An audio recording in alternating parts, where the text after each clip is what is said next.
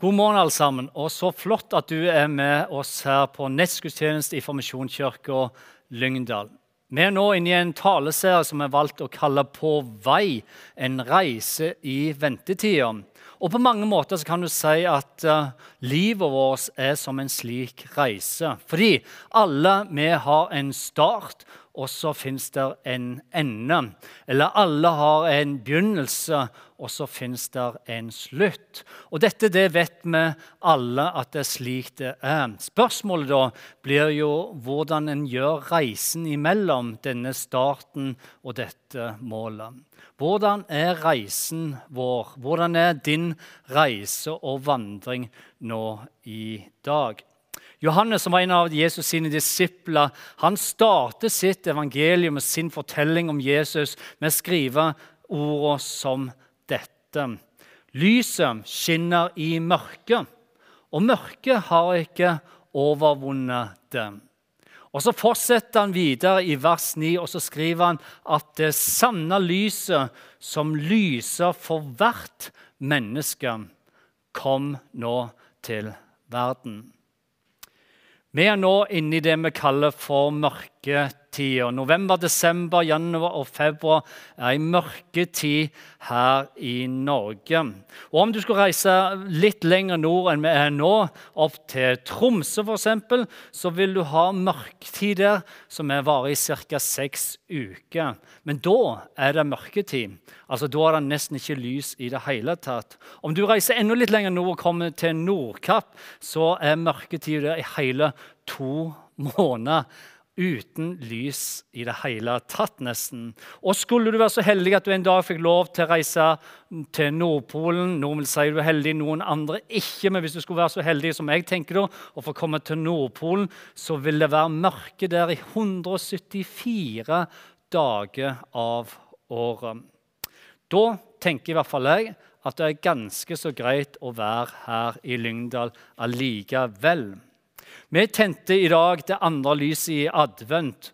Og nå før advent, så pga. denne pandemien og den spesielle tida vi er inne i, så valgte statsminister Erna Solberg og helseminister Bent Høie nylig å gå ut og anbefale at vi måtte få opp lyset så fort som bare mulig ute.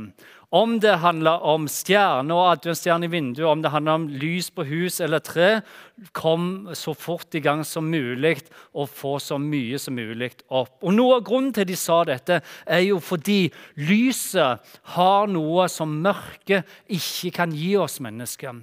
Lyset har noe i seg som bryter gjennom mørket, og som når inn til oss mennesker. Mørket har ikke dette med seg. Fordi med lys så følger det oversikt. Så følger det perspektiv for oss mennesker. En ser retningen og vet noe om veien og skal gå videre fordi lyset lyser opp mørket. Mens om det ikke er lys, men bare mørke, da mister vi mennesker både retningen, vi mister retningssansen og veien vi skal gå. Når Jesus kom til jorda, og han ble født i en stall, så i vår vestlige kultur så vil vi veldig fort se for oss et bilde som dette. Det er ganske så fint, det er glamorøst, og de har fine klær, og det er glorie, og de smiler og har det ganske så bra. Men sannheten er jo at dette bildet her er et filtrert bilde. Det er filter på det, og de har litt for fått klær, de har litt for mye smil og litt for mye varme i forhold til det som virkelig var det sanne bildet. For sannheten er jo den at når Jesus kom til jorda, så var det ei virkelig mørketid over Israels historie. Og Mye av grunnen til dette handler om at Israel ble en teolog under Romerriket, og de hadde en konge som het Herodes. Herodes kan du si mye om. Og Matteus' evangelium de begynner, han begynner sin beskrivelse og beskriver det sånn som dette. Da Jesus var født i Betlehem i Judea, på den tida Herodes var konge. Og så skal vi stoppe litt der. Fordi når evangeliene bruker andre navn inn som fotnote i historien, så er det som oftest for å beskrive når tid dette skjedde. Som Lukas og juleevangeliene har, eh, så sier det noe om keiser Augustus i de dager det gikk ut befaling for keiser Augustus. Og Grunnen til at Lukas gjorde det, var for å stadfeste tida det var når keiser Augustus var der. Men når Matteus bruker Herodes her, så er det ikke bare for å stadfeste tida, men det er for å si noe om tida. Det var ei mørk, mørk tid. Det var også for å vise at når Gud valgte å sende sin eneste sønn som er barn til denne jorda, så var det kanskje under den mørkeste tida i Israels historie. Det var ei ekstremt vanskelig tid, ei mørk tid med depresjon og med angst. Ei tid fullt av bekymring og frykt. Ei tid der folk levde i nød og i elendighet, og mye på grunn av nettopp Herodes. For Herodes han var en ambisiøs mann, en brutal og hensynsløs mann. Han gjorde alt og skydde ingen midler for å få mer makt og for å posisjonere seg. Han var i utgangspunktet araber, men valgte religiøst å være en jøde. Mens politisk så var han total romer. Romerne valgte faktisk å gi han tittelen 'jødenes konge'. Og Hvor ydmyk og hvor vondt var ikke det for jødene på den tida? Og Hele hans identitet handler om å få makt. Han var gift med ti kvinner men ble så mistenkte på kanskje den eneste av de som var virkelig eldste, at han en dag bestemte seg, slik at hun ikke skulle gå ifra han eller såre han, så bestemte han seg for å ta hun og de to sønnene de sammen hadde, og henrette dem. Han skattla folk i Israel så hardt at folk måtte flytte for gård og grunn. Derfor var misnøyen utrolig stor. Det var desperasjon, og det var opptøyer og uro. Det var Herodes den store som videre bygde opp tempelet igjen i Jerusalem. Han bygde masse bygg. Det var også derfor de kalte ham for Herodes den store. Han bygde mange store bygg, også tempelet i Jerusalem. Men på toppen av det så valgte han da å sette ei svær ørn, et symbol, ei ørn av gull, som et hedens symbol oppå tempelet. Det er også dette symbolet som Hitler en dag tok i bruk under annen verdenskrig og brukte som sitt symbol. Når Herodes lå for døden, så valgte eldstesønnen hans, som var kronprinsen, tronarving, å stå fram og ta som avtaker og ta over tronen. Med andre ord, Han utnevnte seg sjøl til konge, for han trodde at kongen var så å si død. Det eneste problemet var at Herodes var ikke helt død.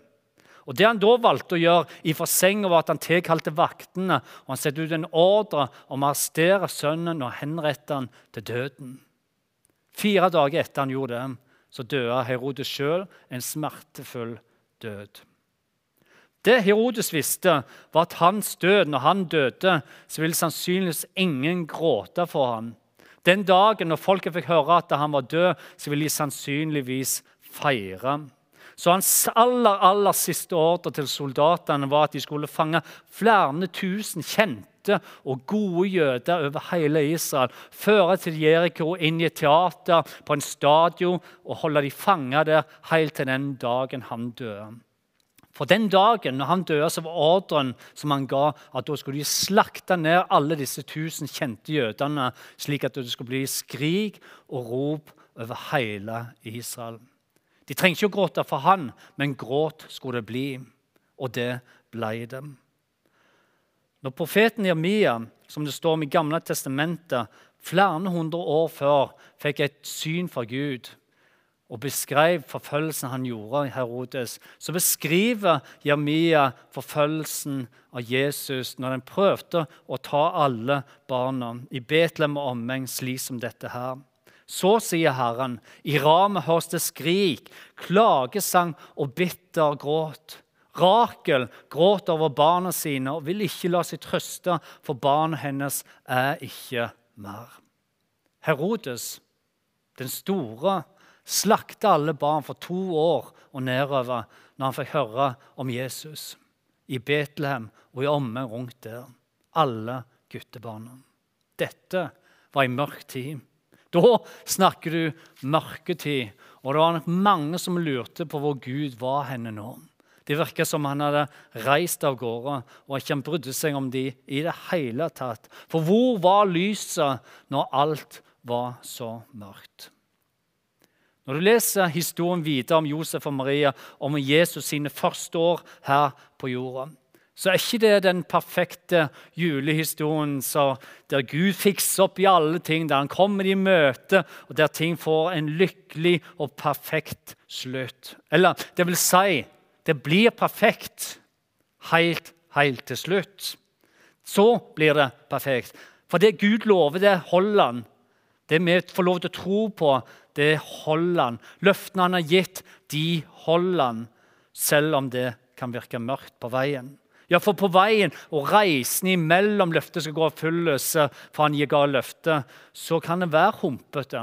Så kan livet være vanskelig, så kan det være krevende og ufordrende. Det vil bli prøvelser, og det har han sagt sjøl også. Vi må aldri glemme at Maria var ei tenåringsjente som opplevde offentlig skam. Joses hjerte ble knust, men ønska likevel at Maria skulle slippe skammen. De fødte Guds sønn i en stall. De var på flukt, for ingen ønsket å ta dem inn. De snudde ryggen til dem.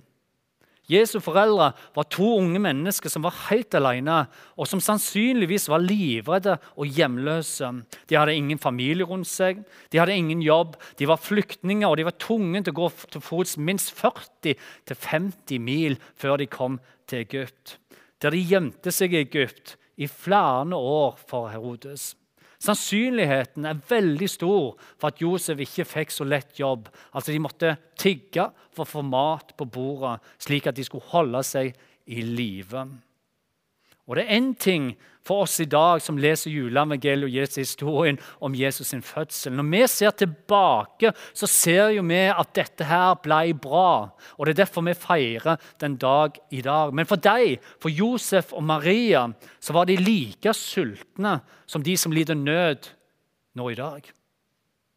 For Josef og Maria så var de like redde som de som er på flukt nå i dag og like usikre og bekymra for hva som skulle møte dem, som mange er nå i dag. Men det betyr ikke at Gud ikke var med dem. Det betyr ikke at Gud ikke var nær dem. Det betyr heller ikke at Gud har glemt sine løfter, eller at mørket har det vunnet over lyset.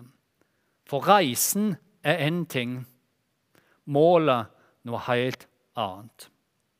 Nå er det ikke sikkert at du har sett dette her programmet som slår alle seerrekorder for tida, men det heter Maskorama. Det er veldig populært å ha store seertall. og Det dette programmet handler om, er å finne ut hvem som er under og bak den bekledningen og disse maskene de har på seg. De synger sanger, og så skal både de tre dommerne som sitter der, og vi hjemme tippe hvem er det som er bak den maska der. For det er det det handler grunnen om. dette programmet. Det handler om å ta på seg en maske og spille en rolle som du ikke er. Det handler om å ta på seg en karakter som du ikke er, slik at dommerne og vi som er hjemme, skal se dette og bli lurt og ikke finne ut hvem som virkelig befinner seg bak der. Og Du som har fulgt med, så kanskje sist helg at det var Lise Rypdal som, ble, eh, som de fant ut det var, som måtte ta av maska og vise hvem hun virkelig og Hun ble avslagt. og Det som var veldig veldig interessant, var hva Lise Rypdal sa etterpå når maska kom av og hun fikk lov til å vise hvem hun var. For Det hun sa rett etterpå, når maska kom av, var dette her, at dette her var kjempegøy. Ja, det var gøy, men du verden så slitsomt det var den tida hun måtte gå og gjemme seg sjøl, slik at folk ikke skulle finne ut at det var hun som var bak maska.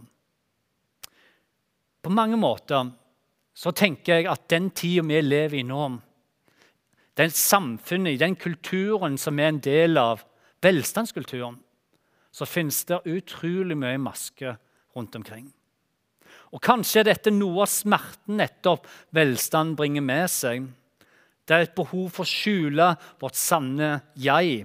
Skjule bort den vi egentlig er, under en underliggende usikkerhet, kanskje om er vi gode nok? Holder vi mål? For standarden er satt så enormt høyt. Og så kompenserer vi med fasade og masker som i grunnen ikke er oss sjøl. Forfatter Per Arne Dahl han skriver en av sine veldig gode bøker dette. Hvorfor har vi det ikke bedre når vi har det så godt? For det som er fakta, er at vi i Norge hvert eneste år de siste tiårene har vært på lykkelistens topp. altså. Vi skårer fra tredje til andre til førsteplass. Vi ligger fram og tilbake og treffer så høyt på faktum for hva det vil si å leve i verdens lykkeligste land. Og Derfor er det jo et stort spørsmål, ja, et stort paradoks. Hvorfor når vi har sånn en stor framgang? Hvorfor, når vi har så store livsvilkår, en så stor livsstand, hvorfor er det da allikevel så mange mennesker som opplever en nedadgående kurve på deres egen lykke og deres egen livskvalitet? Fordi psykiske lidelser og plager er veldig sterkt økende, og spesielt blant unge folk i Norge i dag. Angst, depresjon, ensomhet og spiseforstyrrelser har skjøtet i vær i lykkelandet Norge. Og bruken av piller, smertelindrende og lykkebringende, har skutt i været de siste ti årene. Hvorfor har vi det ikke bedre når vi har det så godt? Kan det handle om maske, fasade, en altfor høy standard som bringer usikkerhet på hvem en virkelig er. Thomas Judin, som er pastor for Vatto, deler modig og ærlig for sitt liv og hvordan han sjøl ikke klarte å forholde seg til Gud der oppe når han og kona mistet to av sine tre sønner i sykdom som tenåringer. Når livet så totalt raste sammen for dem og falt nedover i et mørke, da orka han ikke å løfte hodet lenger opp. Da orka han ikke å løfte blikket oppover. Da orka han ikke å lovprise Gud der oppe lenger. Og for veldig mange av oss, uten å sammenligne oss med han, så kan vi allikevel sammenligne oss med noe av det som han går igjennom. Vi kan gjenkjenne det i vårt liv. For det er ikke alltid så enkelt, og noen ganger faktisk helt umulig, å løfte hodet og fokuset og tilbe til en Gud der oppe når livet her nede kjennes så brutalt vondt, smertefullt og i et mørke. Når Thomas Judin fortsetter, så forteller han meg en tid der han istedenfor å løfte hodet oppover, hadde en følelse av å bare falle nedover, dypere og dypere ned i et mørke. Og Det er også her han opplever å møte Jesus på en ny måte. I bånden av livet, i bånden og i mørket, så kommer Jesus til ham som et lys og på en helt ny måte. For Jesus er ikke bare han der oppe. Jesus han er også i bunnen. Jesus han er ikke bare den som skal tilbes når blikket er heva. Nei, Jesus er også den som kommer oss i møte når vi ikke orker å løfte blikket. For Gud er ikke bare Gud der oppe. Gud er lyset midt i mørket. Thomas han skriver det sjøl slik som dette her.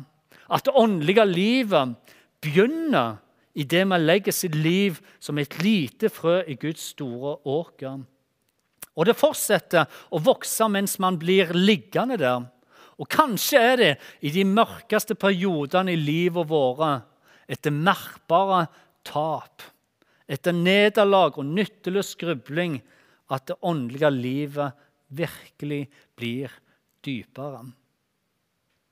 Og kanskje for deg så handler dette om i disse dager eller i denne tida at nettopp du kjenner det ensom. Kanskje tida er ufordrende nok med pandemien og avstand, isolasjon osv. Du kjenner på en stor ensomhet. Eller kanskje det handler for deg om usikkerhet, og du kjenner deg utrygg på deg sjøl i den tida vi er i. På relasjoner, eller hva din egen betydning virkelig er for andre. Eller kanskje så handler dette om for deg at du føler at du nesten ikke orker å henge med lenger. Og det å vende blikket oppover nå, det å forholde seg til Gud der oppe, er mer strevsomt og problematisk for deg enn det å finne hvile i ham. Når Jesus sier om seg sjøl 'Jeg er verdens lys'. Den som tror på meg, skal ikke vandre i mørket, men ha livets lys. Så er det jo heldigvis nettopp fordi han ønsker at du og meg skal vite at han er ikke bare en gud for de som orker å løfte øynene oppover og tilbe oppover. Nei, han er også Gud for de som opplever at mørket er så krevende at han ikke orker å gjøre noen ting. Slik at han sammen med deg kan få vandre ut av mørket og finne lys i sammen. Det var derfor lyset kom. Når Jesus sier 'Jeg er verdens lys', så var det for at mørket skulle fly når han kom. Og det er dette Josef og Maria får erfare midt i sin strevsomhet, i vanskelighetene, midt i frykten og det som var så utfordrende, så opplever de allikevel at lyset var der. Det var også dette som gjorde at gjeteren på marken fikk se når himmelen åpna seg og lyset kom ned. Det var dette profetene hadde profetert om i hundrevis av år tilbake. og Du finner i Gamle testamentet om et lys som skulle komme, Guds sønn som skulle komme. Ikke først og fremst allerede der lyset skinner så sterkt, nei, men først og fremst for de som levde midt i mørket. Ja, fordi det er lov å stille spørsmål hos han. Det er lov, og det er innafor å komme med sin tvil til han. Det er lov å si tydelig ifra at nå er livet kjempevanskelig. Jeg orker ikke løfte blikket opp. For hos ham så fins det ingen maske, men ærlig liv. For hos han fins det ikke filter, men ærlig liv. For hos han er det 100% nåde og 100% sannhet, for han er lyset. Han er lyset som alltid vinner over mørket. For lyset, det skinner i mørket. Og mørket har ikke overvunnet det. Nei, det sanne lys som lyset for hvert menneske, kom nå til verden. Ta imot Herrens velsignelse til slutt. Måtte håpets Gud fylle dere med all glede og fred i troen om, så kan bli rike på håp ved Den hellige ånds kraft. Må Herren velsigne deg og bevare deg. Må Herren la sitt ansikt lyse over deg og være deg nådig. Ja, må Herren løfte sitt åsyn på deg og gi deg fred. I Faderen og i Sønnen og Den hellige ånds navn. Amen. Og Så ønsker vi deg en god søndag og jeg vil signe rik og god uke.